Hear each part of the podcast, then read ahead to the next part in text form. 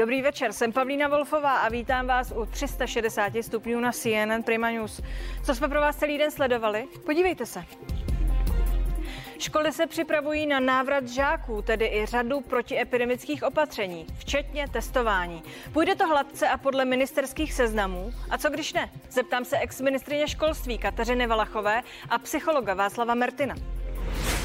Pokud se objeví ve škole nákaza, jaký bude scénář? Jsou opatření plánovaná odpovídající situaci? A co zmůžou školy, pokud se ozvou nesouhlasné hlasy rodičů? Vysí ve vzduchu další soudy kvůli nepodloženým pravidlům? Právníci Ondřej dostal za Piráty a zde Koudelka z Trikolory to vědí. Pověření ředitel BIS Michal Koudelka odmítl dnes před poslanci slova prezidenta Zemana o tom, že kontrarozvědka fízluje ústavní činitele. Kdo koho tu může legálně odposlouchávat a kdo koho kontrolovat? Na to se zeptám poslanců Pavla Bělobrátka a Radka Kotena v další části 360 stupňů.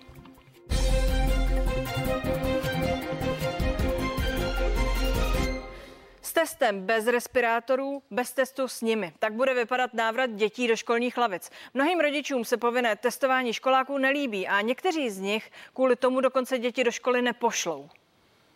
Martina Novotná kvůli tomu, že nesouhlasí s opatřeními, svou dceru doma učila už za první vlny a protože nechce, aby se testovala, do školy ji nepošle ani letos. Protože já ty opatření prostě považuji za nesmyslný. Jo, já nechci, aby se moje děti dusily, nevidím proto žádný důvod. A zdaleka není jediná. Doma zůstanou třeba i děti paní Svobodové. Ty přitom kvůli opatřením letos v září dokonce změní školu. V té původní podle ní přes příliš lpěli na respirátorech. I když přecházeli na čerstvém vzduchu z budovy do budovy, tak i tam museli nosit roušky to bylo 8 až 9 hodin denně. No a tak jsme se rozhodli, že děti do školy posílat nebudeme. V této pražské škole během první vlny pandemie podobný názor zastávali rodiče asi deseti dětí. Podle odborníků ale může dlouhodobé odtržení od kolektivu dětem uškodit. A rozdělování ve škole na děti s rouškou a bez ní podle kantorů také není v pořádku. Ty kolektivy nějakým způsobem fungují a ve chvíli, kdy tam bude dítě, byť třeba i ne svým rozhodnutím přesně tu roušku muset mít, tak eh, se může stát, že na ně děti budou poukazovat. Může být v určitých vůzovkách handicap,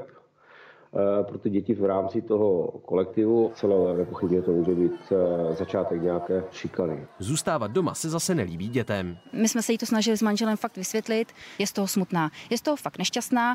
Nevídal jsem se s kamarádem a chvíli bych jsem radši do školy, protože mi chyběly tady kamarády.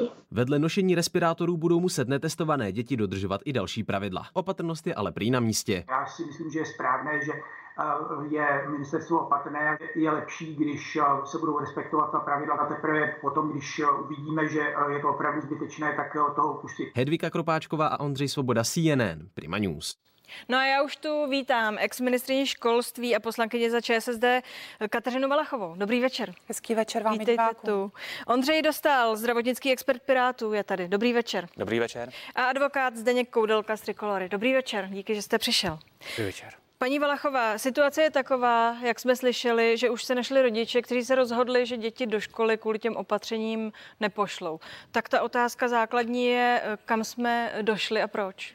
Eh, já to pokládám za obrovskou chybu, eh, Čí? že eh, že ministři zdravotnictví a školství nenašli společnou řeč směrem k rodičům, učitelům a dětem a žel bohu i třetí v úvozovkách covidový rok eh, pořád tedy nejsme schopni pochopit, podle mého soudu, to, co je přirozené, že samozřejmě jde o zdraví a bezpečnost všech, ale právo na vzdělání dětí má z mého pohledu stejnou hodnotu.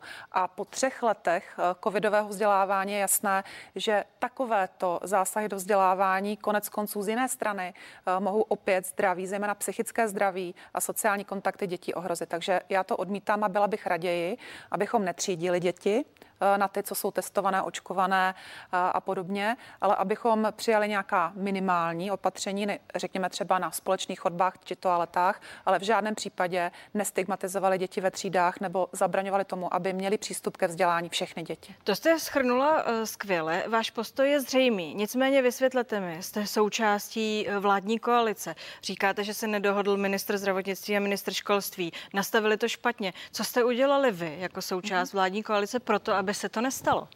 Tak eh, já jsem vlastně už v červnu eh, chtěla předejít tomu, abychom opakovali ty předchozí chyby, protože je potřeba připomenout, že jsme opravdu jediná země v Evropě, která na tak dlouho vypla školy. A Mimochodem i proto si nemůžeme dovolit eh, další výpadky ve vzdělávání dětí nebo to, aby nějaká část dětí byla ze vzdělávání vyloučena, z toho vzdělávání na život, tak jak eh, samozřejmě chceme. To je srozumitelné, ale co A jste proto udělali? jsem svolala eh, mimořádné zasedání školského zdravotního výboru v červnu a žel bohu ministři nenaplnili naše poslanecká očekávání a v následujících dvou týdnech se oba výbory sejdou a já už mám tady informace ze zdravotnického výboru, kde tedy ostatní poslanci napříč politickým spektrem se k tomu staví velmi kriticky. A co se týká toho, co udělala sociální demokracie, eh, tak eh, žel bohu eh, ta opatření jsou plně v kompetence ministra zdravotnictví. To není záležitost společná vlády, nicméně se nějak nevyvlíkám a já samozřejmě jako místo předsedkyně školského výboru a sociální demokratka v těch následujících dnech to, co mám jako zástupkyně lidu od lidí a právnička, udělám vše pro to, aby ta pravidla se změnila tak, jak jsem řekla, aby se zjednodušila a aby děti ze vzdělávání naživo vyloučeny nebyly. To je všechno a víc eh, moci nemám. Ondřej eh, Dostále, slyšeli jsme, rodiče odmítnou poslat eh, děti do školy. Je to adekvátní reakce na to, co se tedy děje, jak je to nastaveno, i když vezmeme to, co teď řekla paní exministrině? Já jsem proti segregaci rodičů a to nejenom jako právník nebo jako politik, ale hlavně jako rodič. Musím říct, že jsem příznivcem toho, aby se děti po návratu do škol otestovaly, pokud možno neinvazivními eh, PCR testy, eh, aby se zjistilo, co si kdo přivezl z prázdnin. Na druhou stranu eh, jsem přesvědčen, že relativně minimální počet dětí, které se otestovat nenechají, třeba z důvodu názoru rodičů, tak neohrozí ten projekt testování natolik, aby museli být oddělovány. Hlavně ty děti, děti oddělené budou oddělené od těch ostatních dětí, tak je to nastaveno. A zřejmě tenhle celý koncept nevyhovuje těm rodičům. Jak to vidíte vy, pane Koudelko? Já zrovna dneska jsem podal návrh na zrušení tohoto mimořádného opatření ministerstva Kterého zdravotnictví. konkrétně tedy? Eh, ve vztahu právě k, ke školním dětem. Eh, konkrétně to podala dcera pana bývalého senátora Iva Valenty, takže nejvyšší správní soud se s tím bude moci zabývat. A já to vidím zaprvé z hlediska právního tak, že k tomu není zákonná opora. Pandemický zákon umožňuje pouze testování zaměstnanců. O dětech se mlčí. Žádný takový zákon neumožňuje. Ve slušných právních režimech a ve slušných státech jsou nezletilé děti chráněni víc než dospělí. Takže když vůči dospělým zaměstnancům, aby ministerstvo zdravotnictví něco takového nařídilo, tak musí být zákon, tak o to víc bych očekával, že musí být zákon pro to, aby se to nařídilo vůči nezletým dětem. A žádný takový není. To je tedy právní názor, váš právní názor, jak dlouho může trvat, než to nejvyšší správní soud posoudí? A dostaneme se do situace, kterou už tady eh, za ten rok a půl téměř dva dobře známe, eh, že eh, to opatření zkrátka dobře schodí se stolu.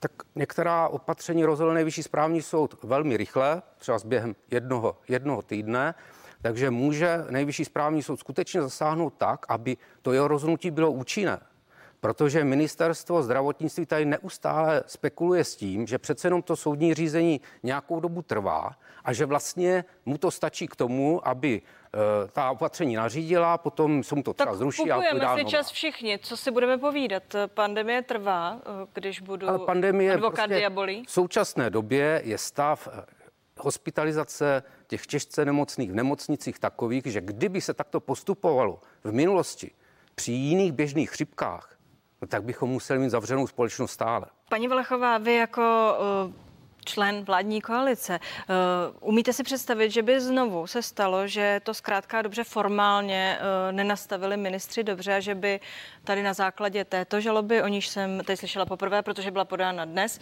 to správní soud znovu zrušil? Eh, popravdě já jsem předsedkyně stále komise pro ústavu a musím říct, že eh, když jsem vlastně eh, tady byla stejně jako veřejnost seznámena s tím přístupem dělení dětí na tři skupiny, z hlediska toho, že tady určitá část dětí má být dokonce, dokonce tímto způsobem vyloučena z toho vzdělávání, tak jak jsme zvyklí, a také počet rodičů, kteří víc a víc volí domácí vzdělávání, což samozřejmě je také z mého pohledu vážné, že děti tím pádem vlastně nemají opravdu přístup ke vzdělání, tak jak jsme no, hlavně k těm ostatním, co si budeme a povídat. Ostatním, ano. protože škola není uh, barák, není to jen o znalostech, ale je to o stazích, o kamarádech, o trablech, o tom, co to tušíme. lidi. K meritu věci. Já jako, Schodí to soud? Já jako předsedkyně stále komise pro ústavu mám uh, pochybnosti o ústavnosti, protože nejde jenom o to, co je uh, běžné v těch slušných zemích uh, na západ od nás z hlediska politické kultury a přístupu státu k občanovi, ale jde také o to, že my jsme součástí určitých pravidel, například nás váže úmluva o právech dětí a děti jsou opravdu ty nejzranitelnější. A není možné na jednu stranu poslouchat z televize, že třeba zdravotním sestřičkám nebo lékařům nelze něco nařídit z hlediska očkování a podobně. Jsou to dospělí lidé, na ně si v uvozovkách stát netroufne. A na děti, které jsou malé, eh, což jsou tedy naše děti, to správně řekl kolega, já to také vidím hodně už po těch x letech jako máma a, vaří se mě krev v žilách, prostě je to nepřijatelné, tak říct, že zkrátka děti, pokud se nepodrobí, eh, tak budou vyloučeni ze vzdělávání a to pokládám za absolutně skandální. Pane Dostále, eh, připadá vám uvěřitelné a pravděpodobné, že se to znovu stane a že tady teď rozebíráme téma, které za měsíc už nebude platit? Tak eh, já bych rád řekl, že ten eh, samotný projekt eh, o testování dětí po návratu do škol stane, je sám o sobě něco, co se stane. Já ho osobně nepovažuji za odsouzení hodný, přestože věřím nebo chci věřit, že očkování v kombinaci s promořeností nás ochrání před tou další vlnou, tak asi jediná relevantní věc, kterou... Dobrá, ale zrovna to testování na počátku, jak tady bylo řečeno, už ty děti v tu chvíli rozkastuje. Protože přijde rodič a řekne, já si to nepřeju. A v ten moment to dítě, jehož rodič si to nepřeje, se ocitá v úplně speciální situaci mezi spolužáky. A to je ta druhá část mojí věty, kde eh, jakkoliv eh, ten samotný projekt eh, nepovažuji a priori za protizákonný a umím si představit, že to testování soud dokáže podřadit pod jeden ze dvou zákonů, buď to pandemický nebo ochraně veřejného zdraví, tak tu segregaci těch dětí, které odmítnou a které budou lze předpokládat v naprosto minimálním počtu, tam si myslím, že v této části by to opatření mohlo a dle mého názoru i mělo narazit. Tak segregace to jsou vážná slova, hovoříme o dětech, jak tu bylo řečeno. Obrátím se teď na chvíli na dětského psychologa Václava Mertina. Dobrý večer. Dobrý večer. Pane doktore, eh, nevím, jestli jste eh, slyšel celou tuto debatu, ale v každém případě dostaneme se eh, do školy, kde bude několik druhů žáků, budou se od sebe odlišovat tím, jak blízko, kdo bude sedět u oběda s ostatními a kdo bude sedět vedle, budou se odlišovat tím, kdo bude mít roušku, kdo respirátor a kdo nic. Co vy na to? Co to s těmi dětmi udělá?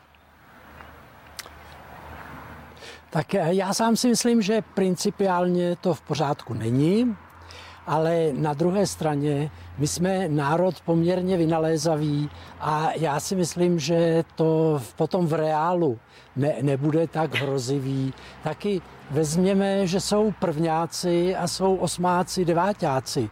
A já, já sám jsem přesvědčený, že třeba ten eh, druhý stupeň že tam už to ty děti dají, že to nebudou jako nijak hrotit, pokud se jich to bude týkat. Samozřejmě ty malé děti, ty to všechno prožívají trošku jinak. Tam bude velmi záležet na paní učitelce nebo na paní učitelkách, jak, jak oni to zvládnou.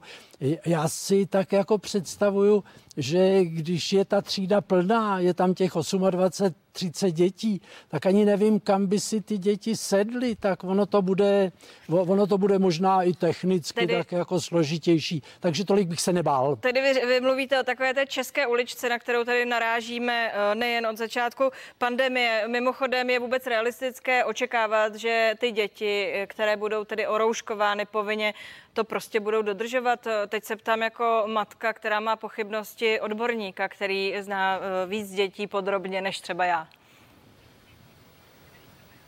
Ehm, je, je spousta dětí, které to velmi respektují a ne, nemají s tím ani sami nějaký velký problém, ale samozřejmě, že jsou děti, které jsou zmatkáři a zapomenou to a jim to nepříjemné.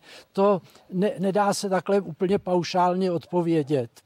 Uh, budou tu žáci, jejich rodiče odmítnou testování nebo očkování a zkrátka dobře ty svoje děti buď úplně vyloučí z kolektivu, protože nepošlou do té školy, i o takových už jsme tady vysílali, anebo zkrátka dobře jim zkomplikují ten pobyt mezi ostatními. A jsme u toho uh, kastování, o kterém jsme uh, tady mluvili. Co to udělá s těmi kolektivy?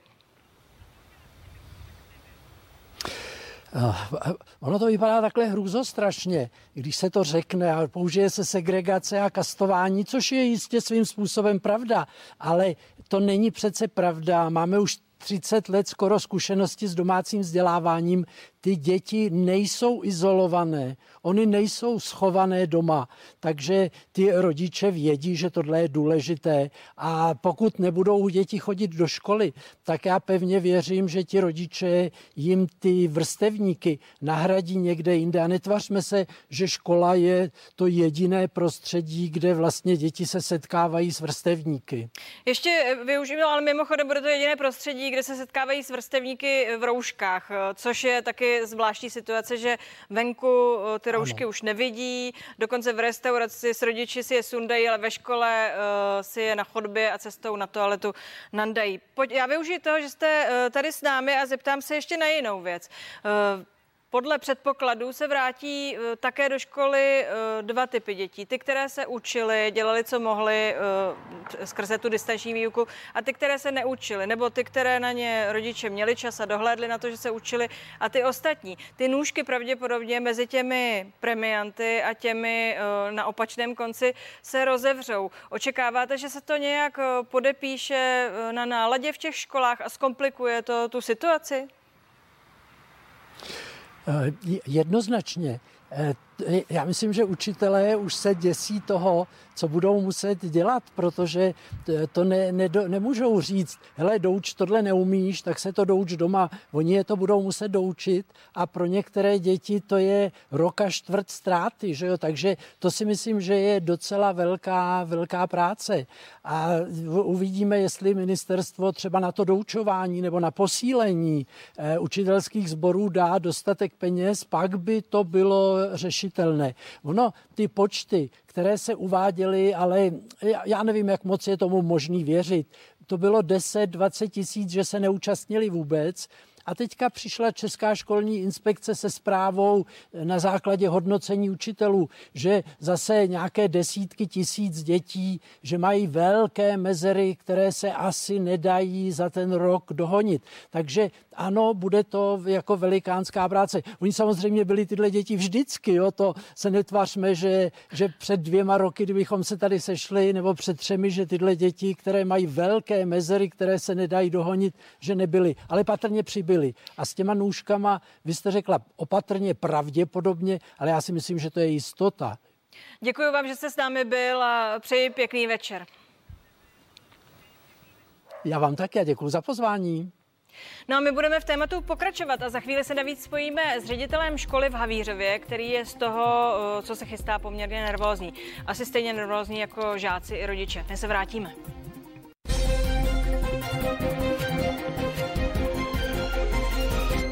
Jsme zpátky. Eh, naše téma start dalšího covidového školního roku a ve vysílání je se mnou Tomáš Ptáček, ředitel základní školy v Havířově. Dobrý večer. Eh, dobrý večer a děkuji za pozvání. Pane řediteli, eh, první věc, ta nastavení, která vás čekají od středy, jsou podle vás přiměřená? No, já si myslím, že v rámci možného, je to už trošku přitažené za vlasy. Můj názor je ten, že už, už toho je hodně.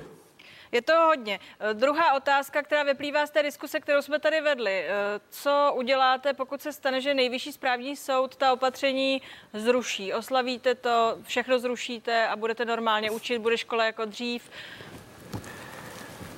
Eh, já si myslím, že určitý respekt k té nemoci musí být stále, takže budeme obezřetní, ale samozřejmě budeme se řídit tím, co bude platné a dané. Takže pokud to bude jenom trochu možné, tak eh, to samozřejmě uvolníme, ale nějaké, nějaké ty opatření hygienická a další, to bychom asi dodržovali. Eh, která ta opatření se vám zdají eh, nejvíc nesmyslná v tuto chvíli? Co vám smysl nedává, co se těžko vysvětluje no. jak rodičům, tak učitelům, na to žákům? zatím tedy s rodiči jsme ještě moc nekomunikovali tady v tomto, ale jsou to ty roušky, o tom se nemusíme bavit, to bylo velké téma i v loni a bude to určitě velké téma i teďka. Já osobně v tom nespatřuji žádný smysl teďka. Eh, to, co řešíme, je hodně dospělý problém, ale ve finále eh, se týká dětí. Víte, jako rodič se třeba rozhodnu, že moje dítě se testovat nebude a v ten moment se ve vaší škole, pokud ta bude chodit, ocite podle tedy těch nastavených pravidel úplně ve specifické situaci. Budete se k němu chovat jinak, bude sedět u oběda jinde. Eh, co si myslíte, že to udělá s tím školním provozem, s tou atmosférou a hlavně kdo to bude pořád hlídat? No určitě atmosféra zhoustne, protože to vznese eh, jednak nároky na ty pedagogy a na ostatní zaměstnance, které do toho budeme muset zapojit. A samozřejmě to nepřidá ani v těch kolektivech těm dětem, to bohužel. Myslíte si, eh, že to, jak se ta společnost najednou uvnitř rozkastuje, eh, může vést třeba k šikaně a podobným problémům? A mimochodem budete ty děti trestat, když nebudou zkrátka a dobře ta opatření dodržovat, protože tak to stojí, buďme realisté. Trestat určitě ne, my budeme s těmi dětmi, tak jak u nás teda ve škole aspoň, a věřím, že to tak dělají všude, budeme se to snažit vysvětlovat, přesvědčovat, tak aby ty třecí plochy byly co nejmenší, aby těch sporů bylo co nejméně a, a takhle bych to asi viděl no, v tomto směru. Jak jsou na tom vaši kolegové a jiní ředitelé škol? Pokusili jste se uh, zvrátit ta rozhodnutí, která přišla nějakým způsobem okleštit ty seznamy? Slyšel vás někdo, když jste argumentovali tak, jak argumentujete teď? Eh, já teda osobně jsem eh, to úplně eh, neřešil s kolegy, respektive není to jakoby velká debata, protože se blíží roz, rozjezd školního roku, takže jsme to neřešili. Co tak vnímám, tak samozřejmě někteří proti tomu budou vystupovat, řekněme, extrémněji a někteří to prostě přijmou a budou, budou to obhajovat. Ale to tak, to tak normálně chodí, ten názor může být různý, je potřeba to respektovat a spíš hledat nějaký kompromis, který by byl snesitelný pro všechny.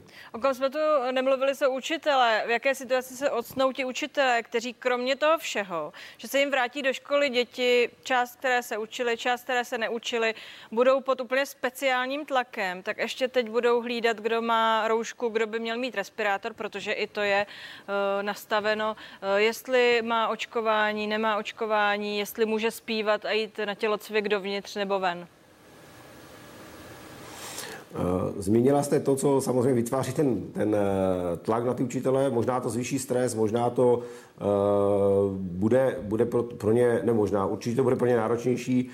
Každopádně věřím, že do toho zapojí zdravý selský rozum, určitý ten pedagogický přístup a budou to řešit s rozumem, takže domluvou, budou se to snažit dětem vysvětlit. Samozřejmě ve společnosti je zmiňován extré, nebo ta, ten stav, kdy budeme dávat bokem třeba dvě, tři děti, ale může nastat opačný extrém, kdy se nebude testovat celá třída, budou muset mít roušky a naopak tam budou třeba jenom tři děti, které ty roušky mít nebudou.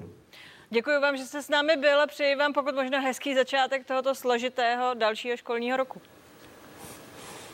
Děkuji za pozvání a přeji i vám hezký večer. Paní exministrině, co vlastně ti rodiče? Ozvou se ti rodiče a budou prudce nesouhlasit s tím, jak to v té škole chodí. Co ten ředitel vlastně může dělat směrem k těm rodičům? Tak já určitě chci panu řediteli Zavěřovala i ostatním učitelům a učitelkám tam a konec konců v celé republice poděkovat za nekonečnou míru trpělivosti, protože vy jste to všechno vypočetla, co vlastně všechno ten učitel uh, musí nějakým způsobem zvládnout. A všechno obává, je to o komunikaci. To všechno to o komunikaci. Takže samozřejmě naši učitelé a učitelky jako vždycky nakonec všechno zvládnou. Uh, naše školy uh, mají většinou skvělé klima, uh, komunikují s rodiči, s dětmi, máme školní parlamenty. Určitě nějakým způsobem se budeme všichni snažit a oni v první linii uhasit nějaké emoce a najít nějaký modus, modus vivendi, modus operandi. Ale já se přiznám, že jak mluvil pan ředitel, eh, tak jsem se to vlastně i sama jakoby, jako člověk, jako jsem se konfrontovala s tím, že co sama zažívám jako máma, že vlastně s dětmi třeba jdeme, já nevím, do restaurace eh, a opravdu jsme na celém území republiky, protože jsme naštěvovali hodně eh, teďka krásy naší země v rámci prázdnin, tak opravdu děti se nasadily respirátory, když šly na toaletu a byly jediné. A ptali se mě, jak to, že teda nikdo jiný, že jo, dospělák a tak dále, eh, to tam jako kolem nich eh, jakoby nerespektuje. A teď si představím, že ty stejné děti přijdou do třídy a najednou jako budou přítomny tomu, že jako tady eh, budou poučovány, že oni v deseti, v sedmi letech tam mají respektovat no, v případě toho, že se chtějí to jako učit ve třídě. No ne, je to, je to totiž i hrozně nevýchovné. Je to nevýchovné, jakoby i směrem k těm dětem, že vlastně my jako dospělí eh, ty pravidla nerespektujeme. A nic se neděje, stát nic nedělá, nic se neděje. A najednou děti, protože se chtějí učit, těší se po prázdninách do třídy, tak první, s čím se setkají, je v podstatě represe. A já samozřejmě věřím našim učitelům a učitelkám i rodičům, že právě kvůli dětem to nakonec zvládneme a že ten start školního roku bude klidný a nakonec bude hezký pro děti. Ale opravdu bych byla ráda, abychom ještě našli v těch následujících dnech, možná i uh, z důvodu, že nás bude sledovat nejvyšší správní soud. A to je klíčová otázka. Může... A zjednodušení těch pravidel, aby opravdu byly rozumnější a ličtější. Může do toho soud vstoupit v příštích dnech? Může se ještě něco změnit do začátku školního roku? Začíná ve středu. Samozřejmě může, eh, ale není to eh, řešení. To řešení je v něčem jiném. Vláda definitivně pozbyla důvěru a proto musí všechna opatření prosazovat na sílu. Eh, pokud by, jak si ta důvěra zde byla, tak na, věřím, že naprostá většina dětí, pokud by dostala k dispozici neinvazivní test, tak ho odsumlá a bude to v pořádku a těch pár, co rodiče mají sekulární výhradu svědomí, ty bychom nemuseli řešit. A potom bychom viděli, jaká cílená opatření jsou či nejsou potřeba podle toho, co ty testy našly ale bohužel eh, to na tu sílu děláme eh, a proto budeme zase tlačit školy eh, do rouškových opatření, které prostě těm dětem ani neumím vysvětlit. Je potřeba říct, že přikivuje paní ex ačkoliv, jak jsem říkala pan, na začátku, pan, je pan doktor je kole, kole, kolega, kolega tady v oblasti zdravotnictví, tak já jsem ráda, že tady evidentně ta cesta existuje a věřím, že ministři školství a zdravotnictví najdou taky. No, už ji měli najít a to je další věc, to časování. My tady sedíme necelý týden před začátkem školního roku a spochybňujeme něco, co je chvilku na stole. Nemělo to být na stole uh, dřív. Uh, dosáhne uh, právní systém i na to, že zkrátka a dobře se ty věci dějí pozdě, na poslední chvíli je těžké se vůči nim tedy pak vymezit v tuto chvíli?